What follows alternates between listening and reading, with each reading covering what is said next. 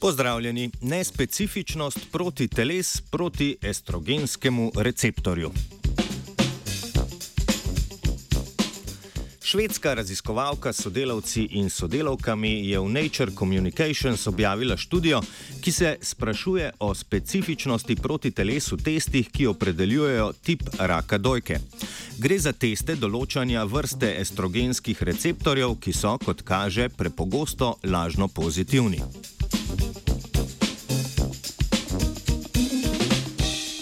Pri raku dojke rakaste celice izražajo dve vrsti receptorjev. Če gre za estrogenske receptorje tipa alfa, se rak odziva na zdravljenje s standardnimi zdravili za hormonskega raka dojke. To so inhibitori aromataze in selektivni modulatori estrogenskih receptorjev. Oboji zmanjšajo učinek ženskega spolnega hormona estrogena na omenjene receptorje, s čimer zaustavijo rast rakastih celic. Po drugi strani so pred dobrimi 20 leti odkrili estrogenske receptorje tipa beta, ki bi morda lahko predstavljali novo terapevtsko možnost za tiste bolnice, ki se ne odzivajo na ustaljene oblike zdravljenja.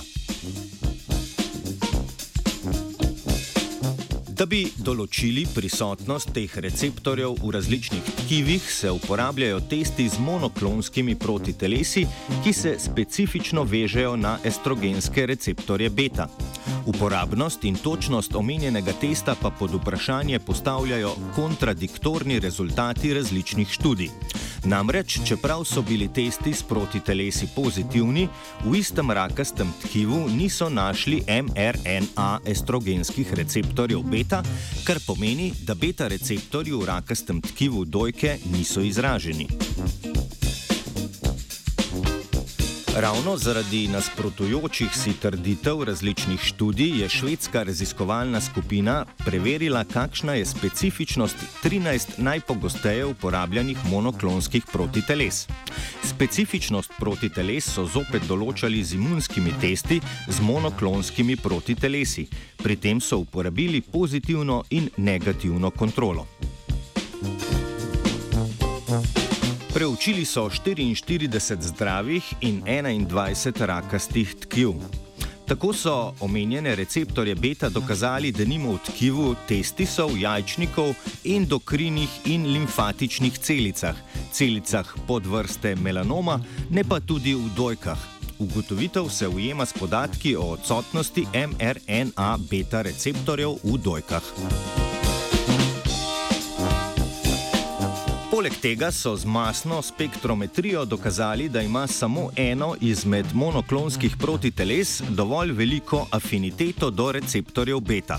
Na koncu se je izkazalo, da so testi s protitelesi pogosto lažno pozitivni, saj je le eno protitelo od 13 pokazalo zadostno specifičnost.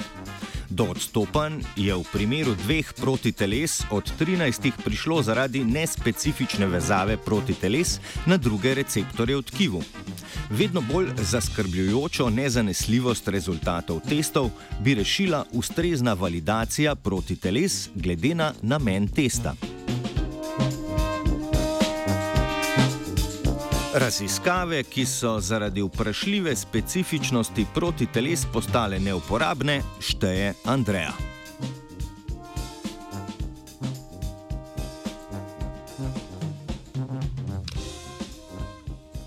Maček piše na mizi